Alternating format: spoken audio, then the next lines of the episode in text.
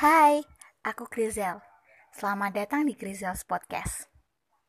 Duduklah, cari tempat ternyaman, dan mulai dengarkan. Kali ini aku bakal bacain kisah salah satu sender yang dia kirimin ceritanya ke aku. Dan oke, okay, langsung mulai aku baca. Sedikit cerita tentang pertemuanku dengannya. Dengan dia yang kini menjadi ketakutanku. Kisah ini bermula ketika aku awal masuk SMA, di mana bertepatan dengan bulan Agustus. Aku mengenal dia. Dia kakak kelasku. Menurutku, dia siswa yang cukup aktif di sekolah. Dia anggota OSIS dan juga Paskibra. Hari itu di mana anggota Paskibra sedang melakukan seleksi untuk petugas upacara 17 Agustus. Aku tidak terpilih karena aku sadar diri tubuhku cukup mungil. Memang saat itu para senior keliling buat cari adik kelas. Jadi gak mungkin juga mereka bakal lihat anak-anak yang pendek. Tapi entah kenapa aku ngerasa kalau dia liatin ke aku terus. Setelah kejadian itu, aku tidak terlalu memikirkannya. Aku menganggapnya lalu. Namun, semakin sering aku bertemu dengannya, Semakin sering pula dia memperhatikanku. Hingga suatu hari, dia tiba-tiba mengirimiku pesan. Saat itu, aku juga menjawab seadanya. Tapi senang juga sih. Siapa sih yang gak senang kalau tiba-tiba dicat sama kakak kelas? Time flies so fast. Perlahan aku merasa nyaman sama dia. Dia juga. Dia bilang gak mau pacaran. Dan akhirnya kita komitmen. Hingga pada akhirnya tepat hari terakhir perayaan hari ulang tahun SMA. Dan hari terakhir juga hubunganku dengan dia.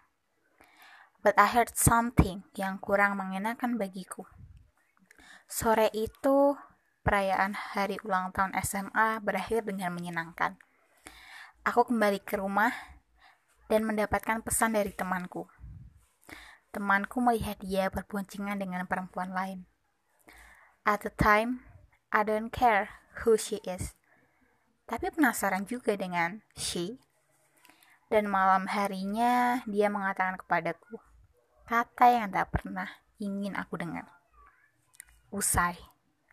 We're done. Dia memutuskanku dengan alasan ingin fokus ujian. Klasik. Aku berusaha menerimanya walau berat. Aku berusaha melupakannya dengan menyibukkan diriku dan untuk belajar, karena esoknya akan ada ulangan akhir semester. People don't know, I mean my friends, if my heart is broken.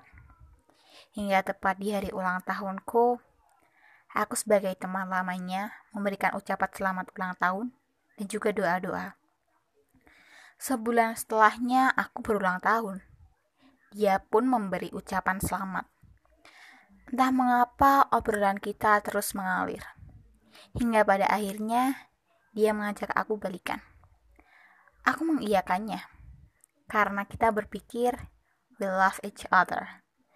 Kita melakukan aktivitas seperti orang pacaran lainnya, jalan bareng, video call, dan lainnya. But one day changed everything. He said he loved me but he can stop loving her or his ex-girlfriend. Aku berpikir, bukankah ini terbagi?